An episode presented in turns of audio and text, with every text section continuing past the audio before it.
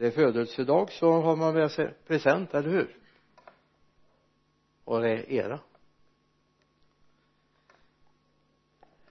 Jesus vi vill börja med att säga tack. Tack för att du kom. Det var ingen duxbädd. Det var halm där du fick din första natt. Har ni tänkt på att den Jesus vi samlas för att vara tacksamma för han fick inte åka hem efter födelsen. Han fick göra några år som flykting i Egypten. Och känner väldigt väl med alla er som känns som flyktingar i en annars välordnad värld. Jag vill dela ett bibelord först om dig Jesus det är från Lukas 2 vi hörde det för en liten stund sedan. Vers 10 men ängeln sa var inte rädd.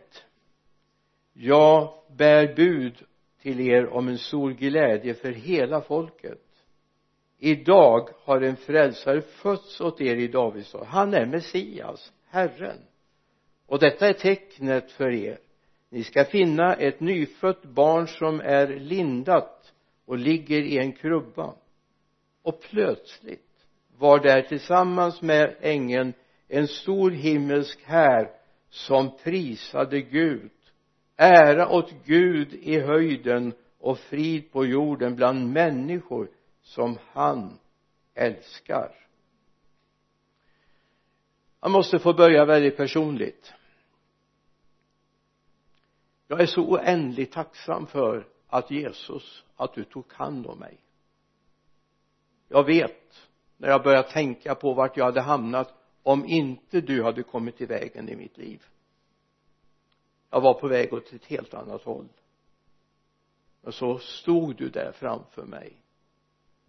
Och inget annat än sa jag älskar dig. Det behövdes inget mer. Det behövdes inga stora övertalningar. Han bara älskade mig och Jesus visst är det så med alla människor. Du älskar alla. Så tack min och vår älskade Jesus. En av dina tjänare Paulus uttrycker det så enormt rakt på. I apostlagärningarnas sjuttonde kapitel vers 28 då säger han så här för i honom alltså i Jesus är det vi lever och rör oss här till. I honom i Jesus är det vi lever och rör oss här till. Så vi som lever här vi behöver bara vända oss om. Han finns där. Han är inte långt borta från någon enda som söker honom. Och det är vi så tacksamma för. Jesus det är i dig vi vill leva och röra oss och är till vi har inget annat liv. Det är du det handlar om. Vidare står det att det folk som vandrar i mörkret står det. Ska se ett stort ljus. Över dem som vandrar i dödsskuggans dal skall ett ljus lysa klart. Jesus du är ljuset. Och jag kan bara säga att imorgon ska vi tala lite mer om att få vandra i ljuset och vara ljus i den här världen. Men vi är i ditt ljus. Bibeln säger det. I Johannes evangeliets första kapitel står det om dig. I honom var liv och livet var människornas ljus. Och ljuset lyser i mörker och mörkret har inte övervunnit det det är stort Jesus.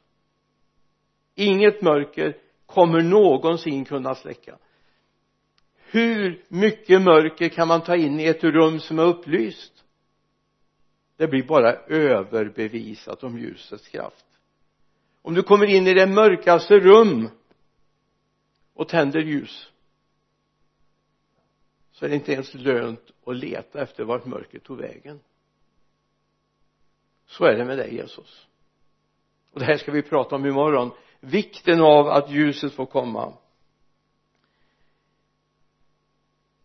I den nionde versen i samma kapitel så är det sanna ljuset som lyser det sanna ljuset som ger ljus åt alla människor. Skulle nu komma in i världen. Det sanna ljuset. Det är inget fejk du är på riktigt Jesus. Och du lyser upp där du får chans att lysa upp där människor tillåter dig att lysa upp deras liv. Livet och ljuset är centrum. Inte periferin. Det är centrum. Alla som vandrar i mörkret vandrar i livets periferi. Men vi som vill vandra i centrum vi vandrar i ljuset. Vi vandrar med dig Jesus. Och det är vi oerhört tacksamma för.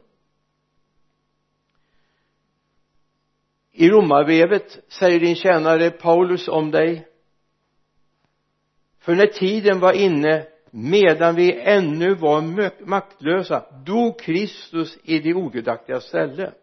Knappast vill någon dö ens för en rättfärdig. Jo kanske vågar någon dö för en som är god. Men Gud bevisade sin kärlek till oss att till oss genom att Kristus dog för oss medan vi ännu var syndare. Jesus jag har tänkt de här dagarna till jul. Och jag rörde vid det lite i onsdags. Har människor tänkt på vad du lämnade för att komma hit? Det Paulus beskriver i första Korinthierbrevets andra kapitel vers 9 vad ingen människa sett ingen människa hört och ingen människa anat. Det har Gud berättat för oss när vi kommer hem. Jag satt och läste om dina tjänare redan i gamla testamentet. Vilka enormt fina kläder de hade. Hur vackert det var i templet. Hur fint det var till och med i det här tillfälliga tälttabernaklet det var inte en detalj som var bara tillverkad på måfå. Varje detalj det säger något om himlen. Som du klädde av dig för att komma hit ner. Det står så här i Filipperbrevet. Han var till i Guds gestalt men räknade inte jämlikheten med Gud som ett segerbyte utan utgav sig själv och tog en tjänares gestalt och blev människa lik när han till det yttre hade blivit som en människa ödmjukade han sig och blev lydig ända till döden, döden på korset. Det här kanske alltså inte säger oss så mycket. Död som död. Men i det judiska samhället var döden på korset något av det allra värsta man kunde tänka sig. Var och en som är upphängd på trä är förbannad. Du lät dig bli förbannad. För vår skull. Du gick ifrån himlens höghet ner till den här jorden och tog på dig vårt straff så vi får bli fria. Du gjorde det här frivilligt. Okej okay. fadern och sonen är ett. Men vi förstår när vi läser skriften att du har en egen personlig vilja. Och du ville dö för oss i Johannes 17 24 står det. Far jag vill att det jag är det ska också det som du har gett mig vara med mig. Låt dem få se min härlighet som du har gett mig för du har älskat mig före världens skapelse rättfärdig fader. Världen har inte lärt känna dig men jag känner dig om du vet och du vet att du har sänt mig. Och det har vet, vet att du har sänt mig. Du har gjort det här Jesus för vår skull. All härlighet som fanns i himlen. Du ska få återfå den och vi ska få se den med dig. Det är vår längtan. Jag längtar inte bara hem till himlen i största allmänhet. Jag längtar hem till Guds härlighet som vi inte kan sätta ord på här i den här världen för vi har inte ord på den härlighet som finns i himlen. Vi har inte varit där. Vi har inte sett det. Och mänskliga sinnen kan inte ta emot härligheten som finns hemma hos Gud. Du gjorde det här. Du avstod. Du klädde av dig all härlighet. Och tog på dig på sig jobbarkläderna för att du skulle vara en av oss.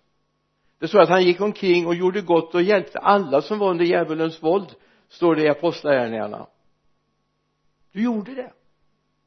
Tack Jesus. Tack Jesus. I Johannes evangeliet vidare läser vi det tionde kapitlet vers 17 fadern älskar mig därför att jag ger mitt liv för att sedan ta det tillbaka. Ingen tar det ifrån mig. Utan jag ger det av fri vilja. Jag har makt att ge det och jag har makt att ta det tillbaka. Det budet har jag fått av min fader. Så när man funderar på vem som dödade dig Jesus så i mänsklighetens allt var det visst. Några knektar ifrån det romerska imperiet det var några judar som ville göra sig av med dig. Men ytterst var det din ditt eget beslut.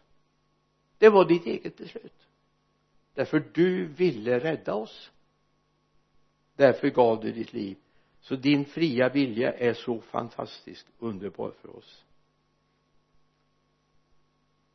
Till sist. Tack Jesus. Korset avstod du inte. Korset avstod du inte. Förbannelsen avstod vi inte.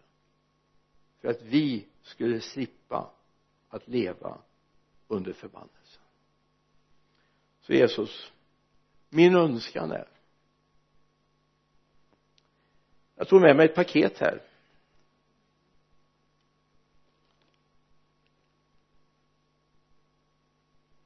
Men när jag läser om vad de hade med sig från vise männen från österns länder då känns det väldigt torftigt att komma med ett papperspaket. Guld rökelse och myrra nu hinner vi inte ta upp vad, vad de här betyder. Så jag tänkte jag struntar i paketet. Och så säger jag Jesus det är mig du vill ha. Det är oss du vill ha. Och vi säger tack Jesus. Vi ber. Jesus vi tackar dig för att du finns här i vår gemenskap. Du finns för varje skärm.